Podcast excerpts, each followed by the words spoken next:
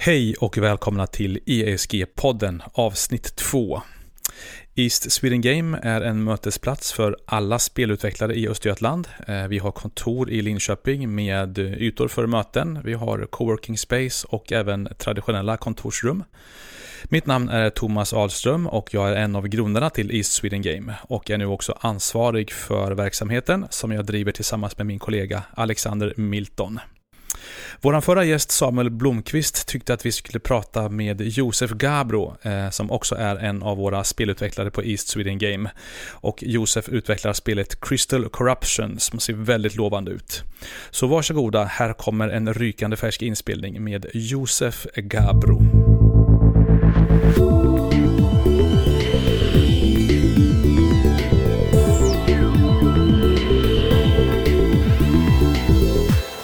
Och välkommen! Det här är ESG-podden. Hej Josef Gabro! Hallå, hallå Thomas! Kul att träffas eh, igen. Eh, vi kan väl börja med att du berättar lite kort vem du är och vad du pysslar med om dagarna. Mm. Eh, ja, som sagt, mitt namn är Josef Gabro.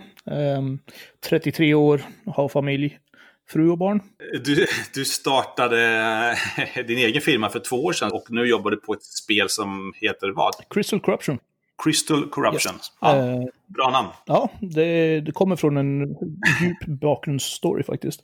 Uh, okay. Long story short så är det, det, folk bor i en värld där fantasy, allting ser bra ut, funkade jättebra fram tills kungen där uh, förlorar sin fru av mystiska omständigheter. Och eh, helt plötsligt så börjar han och eh, få ryck, kort och gott. Eh, så han justerar sina, sina resurser till att försöka återuppliva henne. Eftersom det finns mycket magi och teknik och sånt där så tycker jag att varför är det så svårt för? Så eh, hela världen förfaller eh, på grund av honom och ja, man bygger en, eh, en kristall för att försöka suga upp allting, allt evil från den världen. Efter man har tagit död på ah. honom. Eh, när kungen då, han, eh, ja, han utnyttjar sin makt mer än man borde ha gjort. Mm. Eh, och det är därifrån egentligen Crystal-delen kommer ifrån. Men eftersom eh, människor eh, och många av de här raserna var mycket mer benägna att bli onda så eh, blev det lite fel i eh, beräkningarna och kristallen kunde hålla all evil som fanns i världen. Eh, okay. Och den exploderar. Så varje person ah, som blir oj. träffad av en sån här shard blir då mm. korrumperad. Därav Crystal Corruption. Aj, aj, aj. Just det. det var en lång story short. Uh... Bra, ja men mycket bra. Mycket bra. Och eh, kan du berätta lite om eh, liksom in-game, vad gör man i spelet? Mm. Det är ett local multiplayer, 2v2 Moba Brawler Mashup-spel. Eh, där man spelar mm.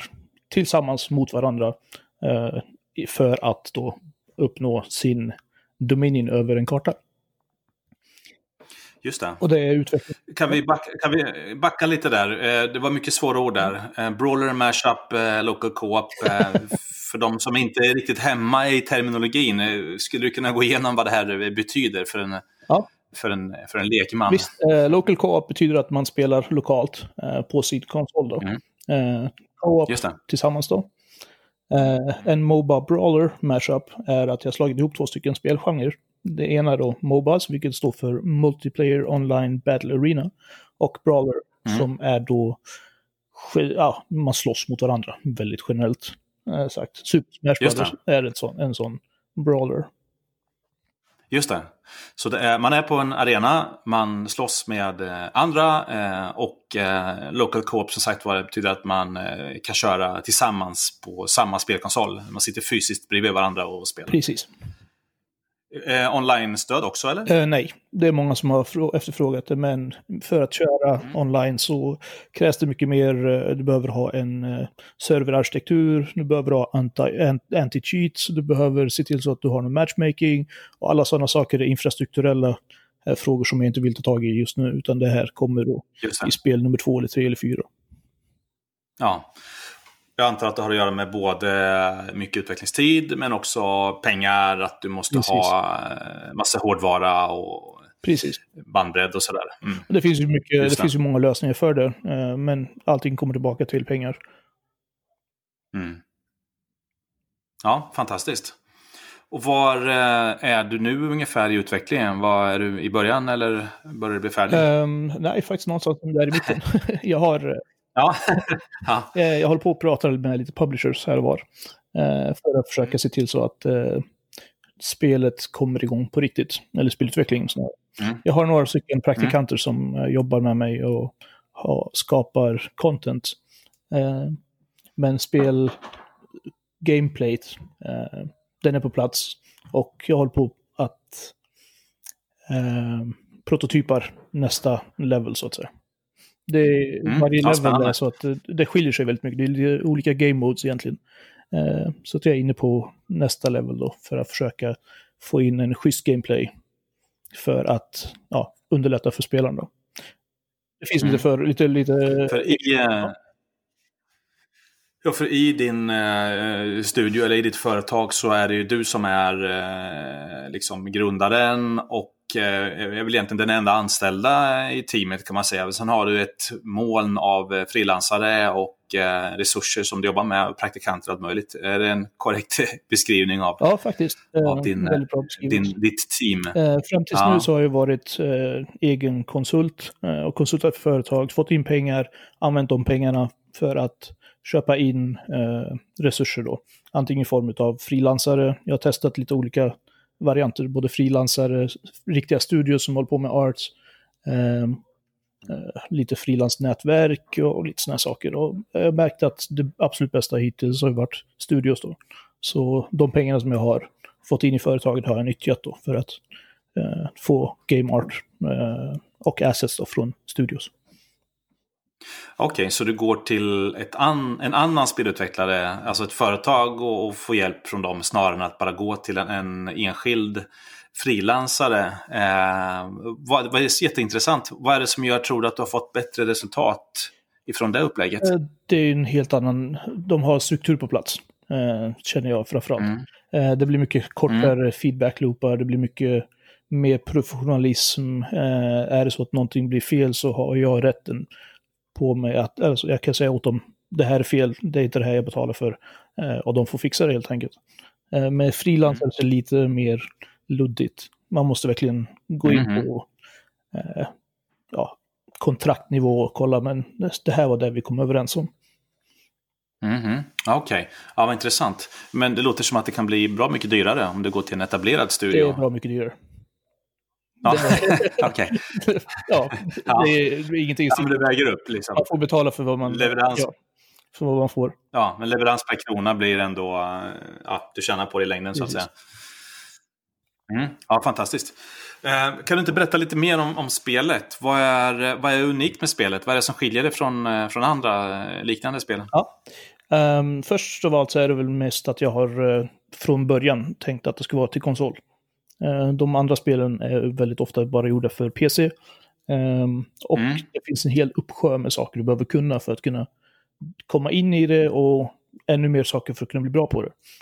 Eh, mm. Det jag har gjort är att jag har tagit bort allt sånt. Ett exempel på saker som, eh, som man behöver kunna om man vill bli bra på en Moba-genre, det är att lära sig alla karaktärer, vad de gör, hur de ska, vilka skills som funkar mot vad. Det behöver man knappt göra i, i mitt spel, utan du har en attack, en vanlig attack. Du har en kombo som funkar mm. som, vanlig, som ett vanligt fightingspel. Eh, trycker du på en, samma knapp flera gånger så utför du en kombo. Eh, du har mm. en dash och du har en skill. That's it. Det är mm. fyra knappar. Eh, yes. Så en sån, det är liksom förenklat Moba-genren till, till att bli en, lite mer mot brawler-genren då. Eh, alternativ två är, eller en sak som är väldigt, väldigt eh, vad säger man, prevalent, uh, tydlig mm. i spelet, är att uh, du, mm. behöver inte kun, du behöver inte döda minions för att få resurser. Utan i spelet så är dina minions dina resurser. Ju fler minions du har, desto lättare är det för dig att lösa problemen som du behöver göra. I första banan som Just du har, så uh, den som har flest minions får mest damage på sin boss i slutändan. För båda lagen mm. behöver eh, samla så mycket minions som möjligt. Man kan ta minions från varandra, man kan eh, inte döda någon minion alls, utan det enda man gör är att man tar över dem. Eh, och ju fler du har i slutändan, desto mer damage har Om jag minns rätt För jag fick ju eh, speltesta en väldigt tidig version av spelet för, eh, vet inte, kanske ett och ett halvt år sedan eller något sånt. Så vill jag minnas att det var, att det kom från ett game jam. Att ni jammade fram den här spelidén. Ja, faktiskt. Minns jag rätt? Du minns helt rätt. Ja, berätta lite om, ja, berätta hur det gick till. Uh, game jam, tänker du, eller hur vi gick från det där till, till spelet? Ja, men precis. Alltså, ni, ni, träffades och den här idén var självklar eh, direkt när ni satte igång och jobbade? Eller liksom fick ni knåda fram den här idén? Var det många som var delaktiga i processen? Eller hade du redan en, en tydlig vision när ni liksom satte igång och, och jamma? Eller hur, ja. hur liksom började den kreativa processen? Nej, det var så att uh, det här var gjort på Global Game Jam 2018, tror jag. Um, och själva temat för, den, för det året var att man skulle göra något som hade med transmission att göra. Och eh, transmission tolkade väldigt många till någon form av bilväxel, eh, typ Just det. Ja, transmitta signaler. Ja, det var lite svårt, det var lite luddigt. Eh, transmitta signaler mellan eh, client och server och lite sådana saker. Men jag och min kompis Max då, eh, vi tolkade det som att ja, men, överföra själar. Det var våran grej. Ah, och så började vi tänka i de banorna, att man, att man överför själar från eh, ett, ett, team till det andra. Då. Eh, just det. Det är därifrån det växte då. Så efter första game jammet, eh, efter game jammet då som varade i 48 timmar, så eh, tog jag det konceptet, spenderade, tror jag, tre veckor på det och byggde någonting prototypigt. Och så kände jag att ah, men här finns mm. något att göra. Så slängde jag det och började mm. med Crystal Corruption då. Är det samma idé fortfarande eller har du liksom blivit tvungen att iterera idén så att det har blivit något helt annat idag? Alltså det är ju, grunden är fortfarande samma. Att du tar över minions från motståndaren. Eh, motståndaren. Eh, men varför du gör det, eller vad du gör med minions har ju itererats och behövt ändras på sig. Mm. Just det. Ja, men nice. Eh, jag funderar på tekniken eh, bakom spelet förra poddavsnittet så eh, pratade jag med Samuel eh, som utvecklat en egen eh, spelmotor tillsammans med hans partner Björn. Då. Vilken väg har du tagit? Kör du eget eller har du någon befintlig motor? Jag använder mig faktiskt av Unity. Um, jag har kört egen tidigare som sagt, byggde min egen, men jag tyckte att mm. bara från att gå från motorn till att få någonting på skärmen, det tog för lång tid. Uh, och jag som, e som egen person, om jag ska göra allting själv, så vill jag ha mm. saker snabbt på banan. Jag vill ha en kort time to market, så att säga. Låter rimligt. Eh, och därav så Då kan du fokusera mer på att bygga ett bra spel istället för att lägga massa tid på att få tekniken att funka. Precis.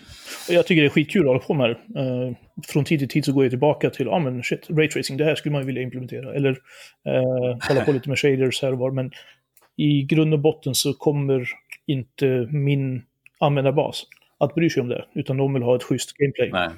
Så därav så blev det mm. att jag valde att köra Unity då. Just det. Och att köra Unity kontra någon annan spelmotor som Unreal, eller finns det flera stycken? Eh, var det, det, var mest, vad var det, som... det var mest erfarenheten. Uh, det mm. fanns egentligen ingen större uh, anledning varför det var Unity jämfört med uh, Unreal. Jag tyckte om Unity mer. Det var mer användarvänligt, det var lätt för att komma in i. Uh, och det var också den spelmotorn som jag började med Eh, en gång i tiden, för länge, länge sedan. Ja, okej. Okay. Ja, intressant.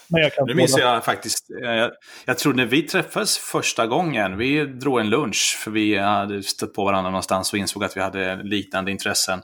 Eh, då, jag tror att du precis hade släppt eh, ett VR-spel. Jag kommer inte ihåg vad det heter, Box VR eller något Box liknande. Shooter VR. Man, eh, bo Box Shooter VR. Yes. Ett ganska enkelt spel eh, där man eh, skjuter på boxar. Men jag minns att eh, det var jävligt kul ändå. I, liksom, i sin enkelhet. Du hade satt gameplay på något sätt med väldigt enkla medel. Vad, vad, vad tänkte du kring, kring det, höll på att säga? Nej, men VR, var det någonting som du var intresserad av att utveckla för? Eller var, för du gjorde inte fler VR-spel efter det. Var det bara ett experiment? Eller hade Nej, jag har faktiskt där? gjort flera spel. Jag har inte släppt dem, men jag har.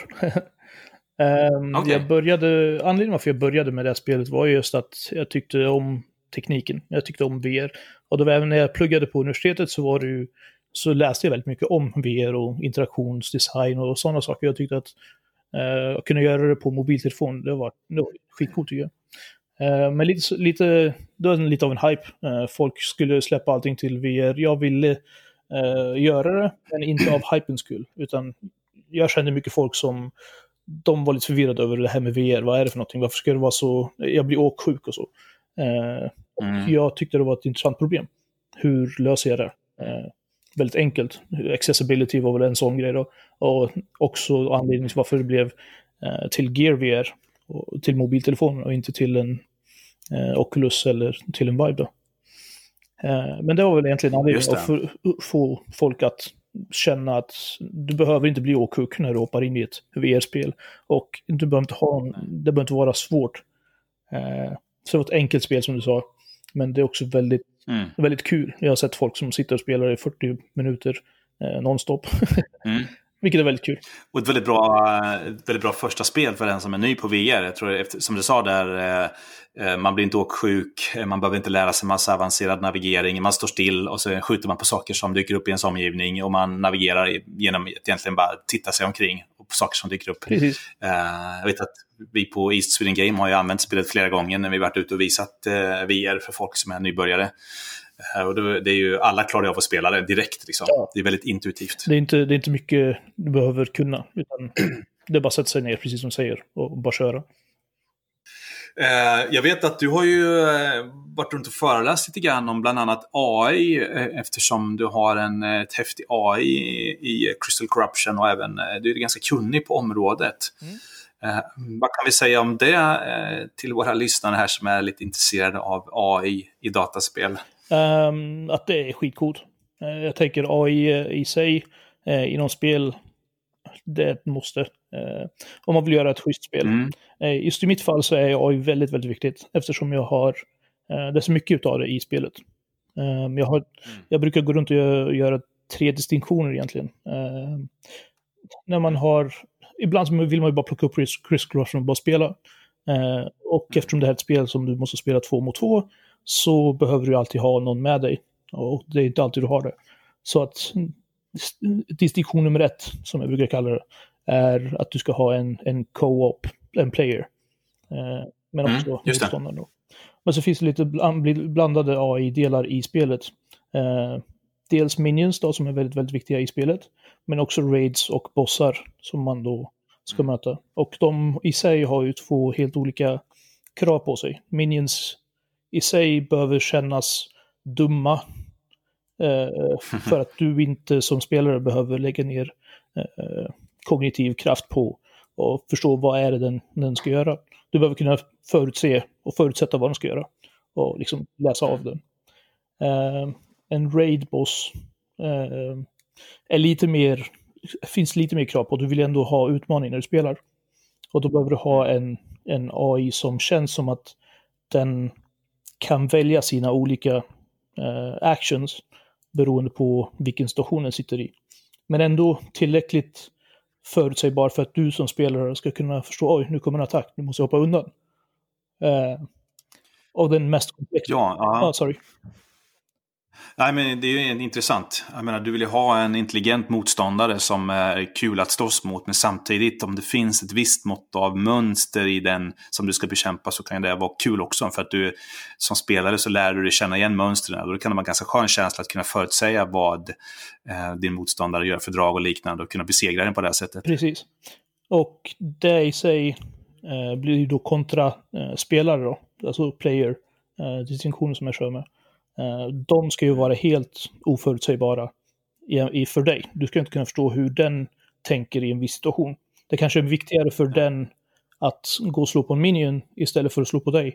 Uh, för att mm. det ger inte honom någonting i slutändan, utan att slå på den där minion och ta över den är viktigare i slutändan. Uh, eller så kanske den, den spelaren ska komma och hjälpa dig. Så du har lite olika actions som den ska kunna välja ifrån. Och just det där att kunna känna att det är ett val.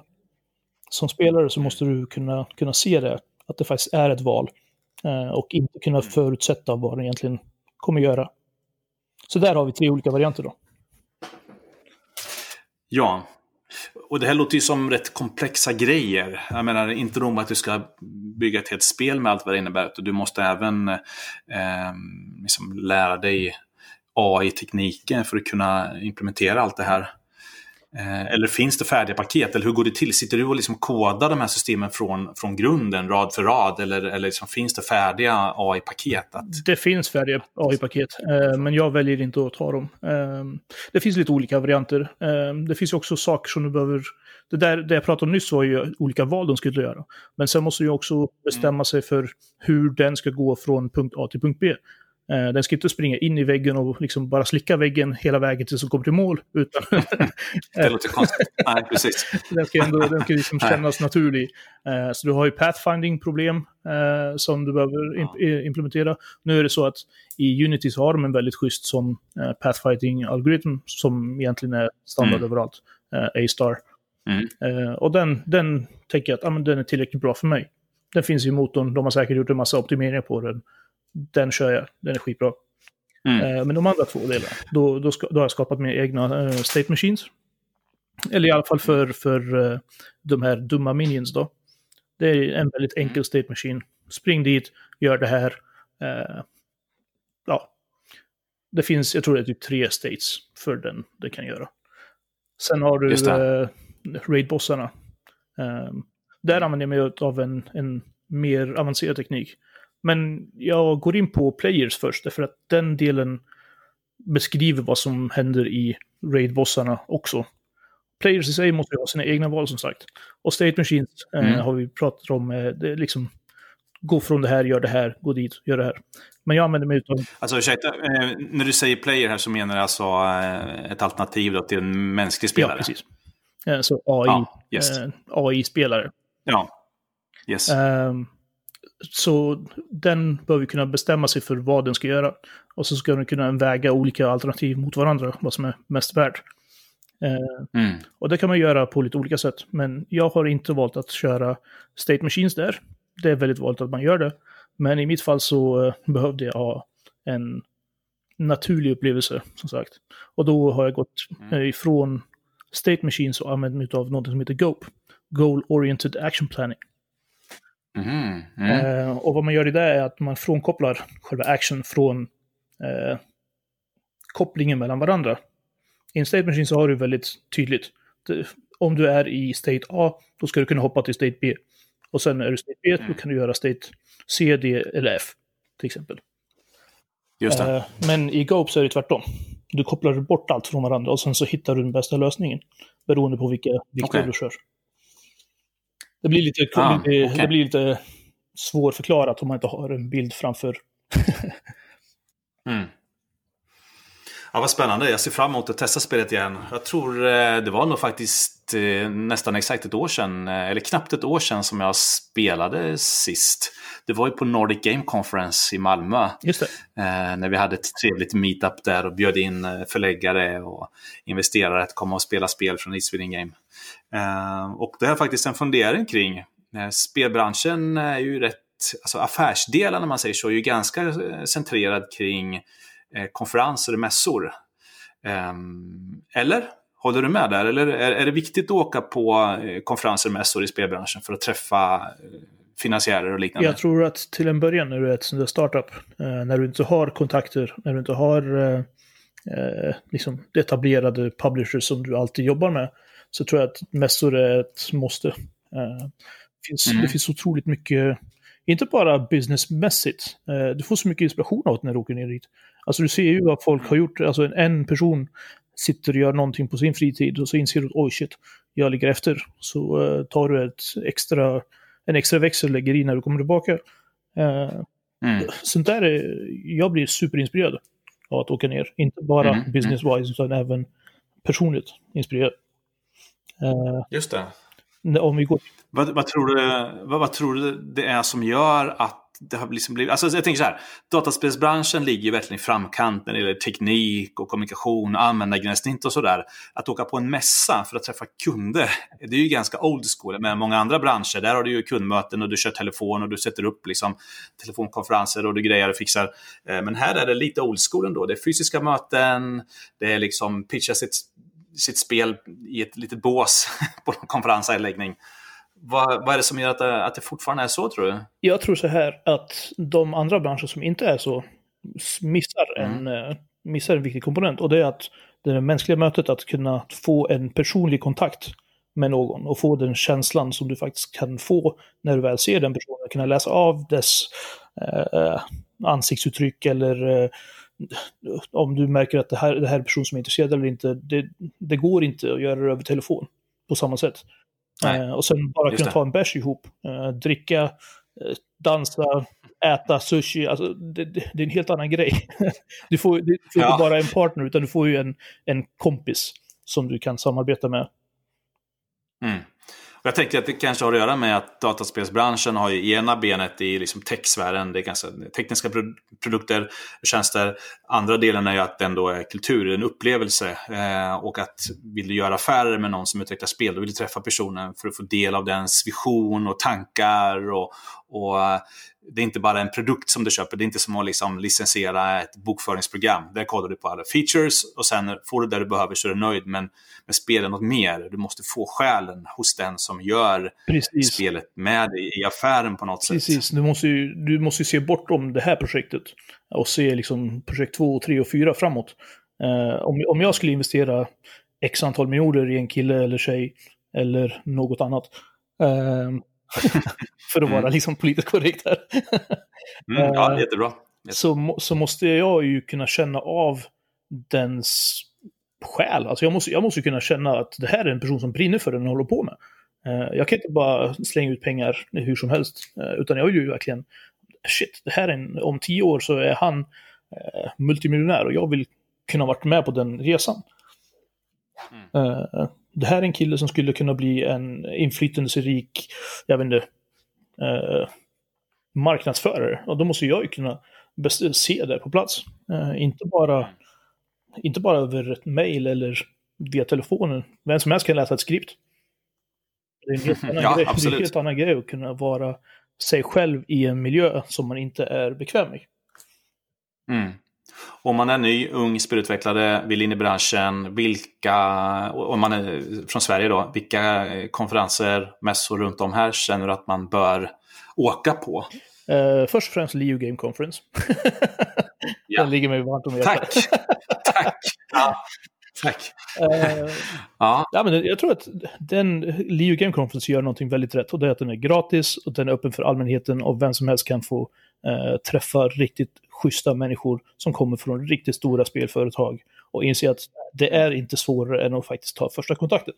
Så där tycker jag verkligen Leo Game Conference gör helt rätt. Det är jättebra. Vi kan bara förtydliga då att Leo Game Conference sker ju i Linköping varje år, har funnits i ett tiotal år, eh, brukar ske i november. Och vi hoppas att eh, Leo Game Conference sker även i år, trots coronautmaningar. corona-utmaningar. Det är ju ett tag kvar, vi får se, men vi, vi hoppas på det. Eh, om man vill åka lite längre då och kanske bege sig eh, utanför eh, stadsgränsen, mm. vad, vad tänker du då? Nordic Game Conference definitivt. Eh, Nordic Game Conference. Nordic Game Conference. Mm. Jag tycker den är, de gör väldigt mycket väldigt bra och du får träffa så mycket coola människor där. Men framför allt om man är en företagare som ska göra ett eget spel så kan du träffa andra indie-developers där och publishers mm. och de som skapar motorerna och gå på riktigt schyssta föreläsningar och såklart festen efteråt. Yes. och åker man bara dit och, och spontant glider runt och hoppas att man träffar personer eller behöver man förbereda sig och boka möten och grejer? Eller hur brukar du göra? Uh, jag brukar faktiskt förbereda mig. Uh, jag vill ändå få ut så mycket som möjligt av min tid där borta. Så jag går på väldigt många möten. Jag bokar in jag vet inte, 30 möten och sen så plöjer jag av dem uh, på två dagar. Eller om det är tre dagar. Mm. Jag håller med dig. Alla är ju där. Och inte bara svenska utvecklare och förläggare och sådär, utan det kommer folk från hela världen. Men det är ju väldigt svårt i minglet att se vem som är vem.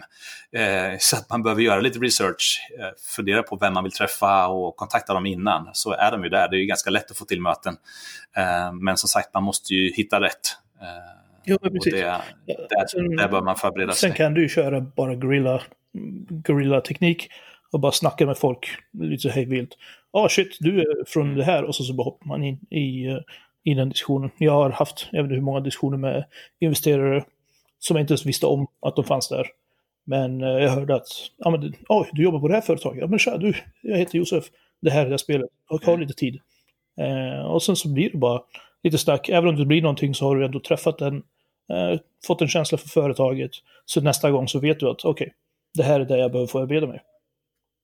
Mm. Ja, fantastiskt. Och um, i höstas så var vi ett gäng från East Sweden Game som eh, testade att åka på Game Connection som ju är ett, vad ska man säga att det är? Det är också en eh, konferens, men det är ju en affärskonferens. Syftet med att åka dit är ju just att göra affärer, inte bara att bli inspirerad. Eh, och du var ju en av dem som eh, åkte med ner, mm. eller hur? I Paris. Stämmer bra det. Eh, vad, vad tyckte du om det? Gav det något? Eller? Det var nog det bästa jag varit med på faktiskt. Um, I form Oj. av businessvägar. Um, ja, det var alltså, som sagt, man måste ju förbereda sig för att gå, åka ner till något ställe som man är på. Och i det här fallet så var det ju verkligen drilla sig själv i att pitcha. För det var mm. verkligen... Vissa möten vi hade, hade vi på fem minuter. Du hade fem minuter på dig att mm. övertyga personer eh, på andra sidan att det här är något som är... Det är inte långt Nej, det är inte mycket alls. så du blir verkligen drillad i att kunna pitcha ditt eget spel. Eh, eller ja. Hur många möten hade du, hade du inbokade ungefär? Ja, vad hade vi? Eh, kan det ha varit en 20-30 möten? Ja, jag tror som grupp hade vi säkert 30-40 ja. möten inbokade på uh, två och en halv dag typ. Ja. Så det var ju ett jädrans tempo. Ja, jag tror jag missade kanske 10 av dem där. Som inte, som inte var så specifikt. Uh, som jag märkte direkt, att det här är ett företag som inte har, vi har inga gemensamma delar. Det finns ingen anledning för mig att gå dit och försöka pitcha för dem. Nej, nej just det. Nej, men jag var ju också där. Jag tyckte det var riktigt häftigt och otroligt effektivt. Och alla de kontakterna eh, som vi fick med oss har, vi ju nytta av eh, i framtiden också. Eh, hur gick det förresten? Har du, alltså, gav det någonting mer än bara utöka adressboken för dig, tänker jag. Uh, ja. För du pitchar ju Crystal Corruption där nere. Hade jag, hade jag faktiskt tagit tag i allting uh, i rätt tillfälle så hade de kunnat gjort mer, mer än vad de gjort. Uh, men just nu som det ser ut just nu så har jag inte uh, slängt in. Och det anledningen är egentligen den feedbacken som jag fick från dem var så, den var så djup och konstruktiv. Att det vill jag, jag vill ge dem det bästa möjliga upplevelsen. Eh, jag pratade med Nintendo bland annat och de sa ta er tid. Ni behöver inte pitcha för oss. Ni behöver inte skicka ert spel nu. Ni kan skicka dem två år, men det vi, vill, det vi får, det vill vi ska vara bra. För vi vill bli partner. Ah, Okej, okay. så du åkte till Game Connection, du pitchade för vad sa du, liksom 25-30 förläggare, investerare, du fick feedback som tyder på att, att eh, det kanske finns lite att skruva på eller eh, förbättra. Och då tänkte du eh, sitt lugnt i båten istället för att liksom bara jaga avslut, skruva på spelet, eh, liksom lyfta spelet till en ny nivå och sen gå tillbaka till till de kontakterna. Det var, var, det så, var det så du tänkte? Ja, precis så jag tänkte. du, du har bättre på det. Nej, men anledningen är som sagt att man, man vill ju kunna... Du har en chans på dig för att göra ett bra första intryck. Och det vill jag, jag vill att det ska vara ett just första intryck. Det ska inte vara ett spel som, ah, men det här har vi redan tittat på, eh, vi slänger åt sidan. Utan har jag ett spel ja. så vill jag att det ska vara, ah, men shit, det här kan vi satsa på. Ja, det finns ju en risk att om du skickar någonting som de aktivt säger nej till så är det svårt att komma in på listan igen. Precis. För då, då, är du, då, då, har du spelet som de har sagt nej till och då krävs det riktigt mycket för att de ska eh, liksom omvärdera det. Precis. Eh, så det låter, ju, det låter ju klokt. Jättekul förresten med Nintendo. Eh, jag tänker på din bakgrund där med, med eh, Super Mario och att det var liksom där det började någonstans. Mm. Det måste ju kännas lite extra eh, tungt för dig att få sitta ner med, med Nintendo och den här gången pitchar du ditt spel för dem. Ja, faktiskt. Men det var faktiskt inte lika stort som jag trodde, utan det, var, det fanns en annan, det fanns en period på tre månader tidigare som jag, jag tror jag nästan grät för att det var så, nej det kan inte stämma. När jag fick mejlet om att eh, jag fick eh, DevKit från Nintendo. När jag fick eh, ah. möjligheten att utveckla spelet till deras, till deras konsol. När jag gick igenom, när, när jag fick det mejlet från dem så, nej det här kan inte stämma, vänta, det här, nej. Du, Elisabeth, kan du komma och läsa det här? Bara, Just det. Nej, det kan inte stämma. alltså, jag, tror, jag vet inte hur många gånger jag sprang runt där och bara ja! Mina föräldrar ja, bara så, Va? Vad är det för någonting? Vad är det för någonting? ja, ja. ja.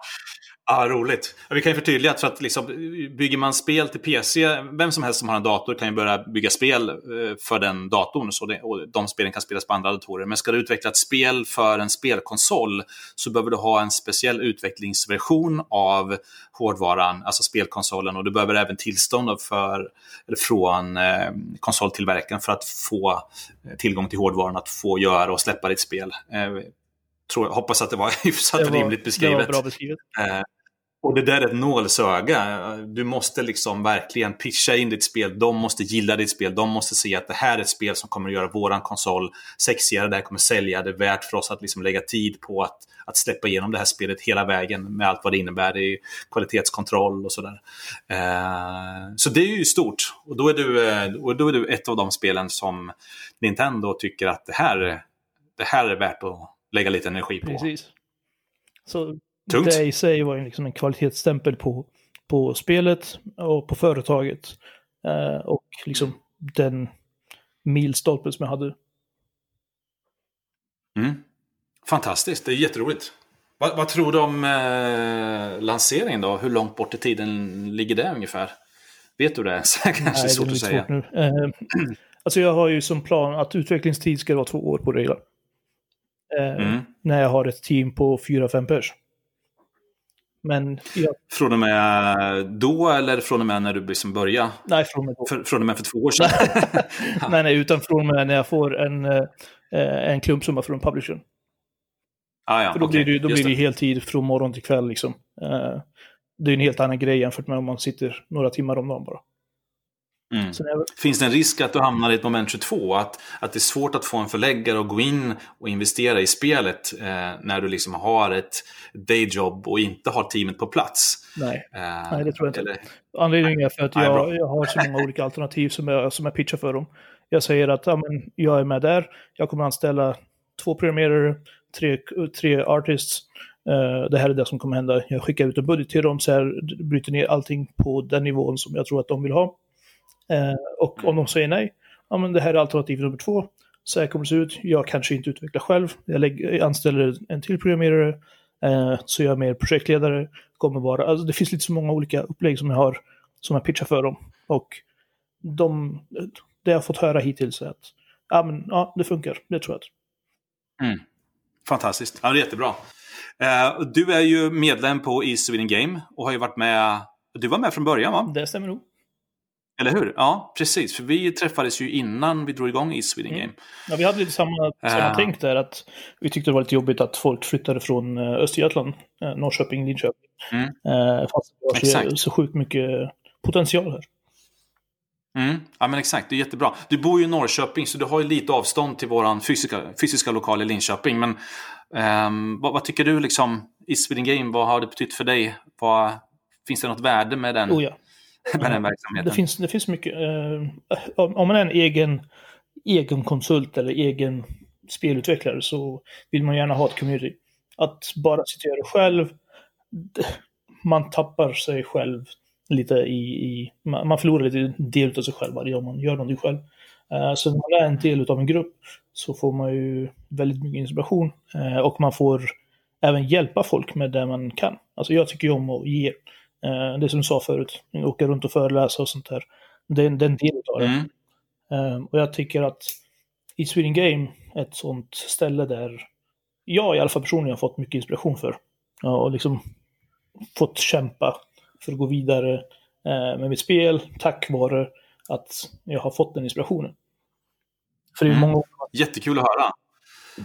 Och stort tack till dig tillbaks tycker jag för eh, du har ju varit en, eh, vad säger man, perfekt medlem i vårt community. Vi, vår vision är att alla våra medlemmar ska dels få mycket stöd och hjälp men också kunna ge tillbaka mycket. Och du är ju verkligen en person som ger mycket. Du går runt och coachar andra, du hjälper folk med Unity, du hjälper utvecklare att komma igång med spelutveckling och du har ju föreläst ett par gånger tror jag mm. Eh, för, för vårt community. Så stort tack för det. Ja.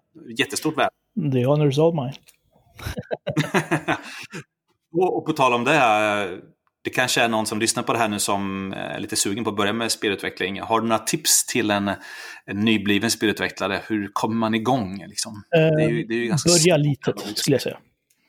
Eh, mm. Och börja med, är det så att man kan programmering, och då är det, då är det skitbra, då har du kommit halva vägen. Eh, då är det bara art-delen mm. framåt. Eh, och ta, alltså det är okej okay att använda assets som redan finns. Eh, kör boxar. Jag menar, mitt första som du sa, där Box Shooter VR, det var ju bara, verkligen bara boxar.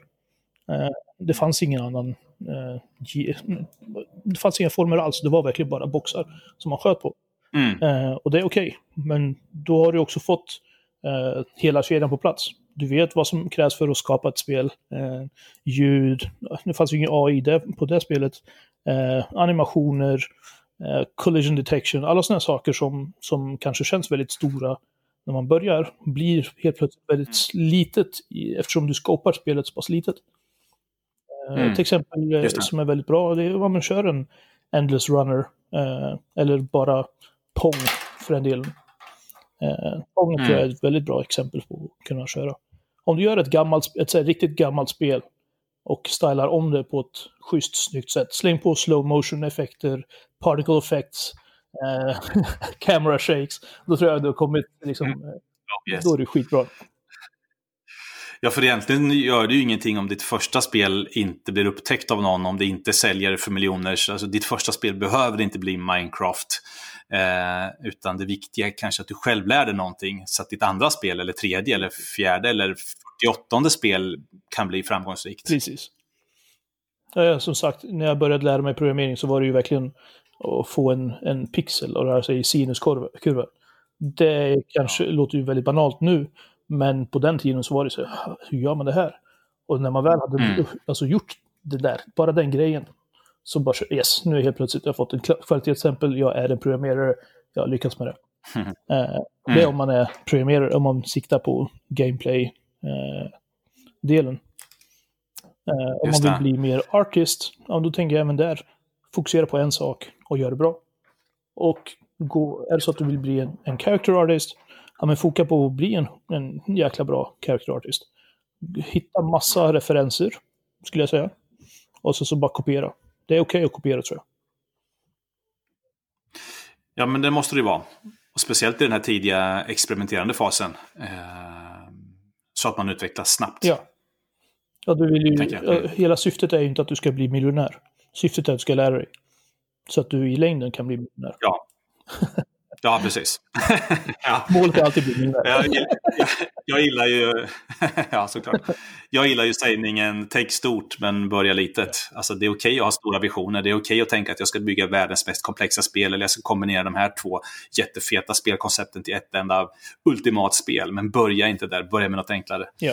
Uh, Ja, det är så mitt spel var. Ja. Jag menar, vi började på ett game jam. Nu eh, när jag går runt och pitchar för folk eh, så säger jag att jag kombinerar Super Smash Brothers med eh, League of Legends och Diablo. Ja. det är de tre absolut ja. största spelen, liksom. alltså alla känner igen dem. Men det var inte där det började. Funkar det, funkar det att säga så? När du säger så, i, när du presenterar eller pitchar för någon förläggare eller så, garvar de bara och tänker lycka till killen, eller får du respekt, jag får respekt. för, för det? Jag har nog inte sett någon som garvat. Eller okej, okay, de har väl garvat men respektfullt. det ja, just det. Ah, okay, Eller bakom din. Ja, men okej, okay, men berätta lite mer. Uh, och så, så. Ja, just det.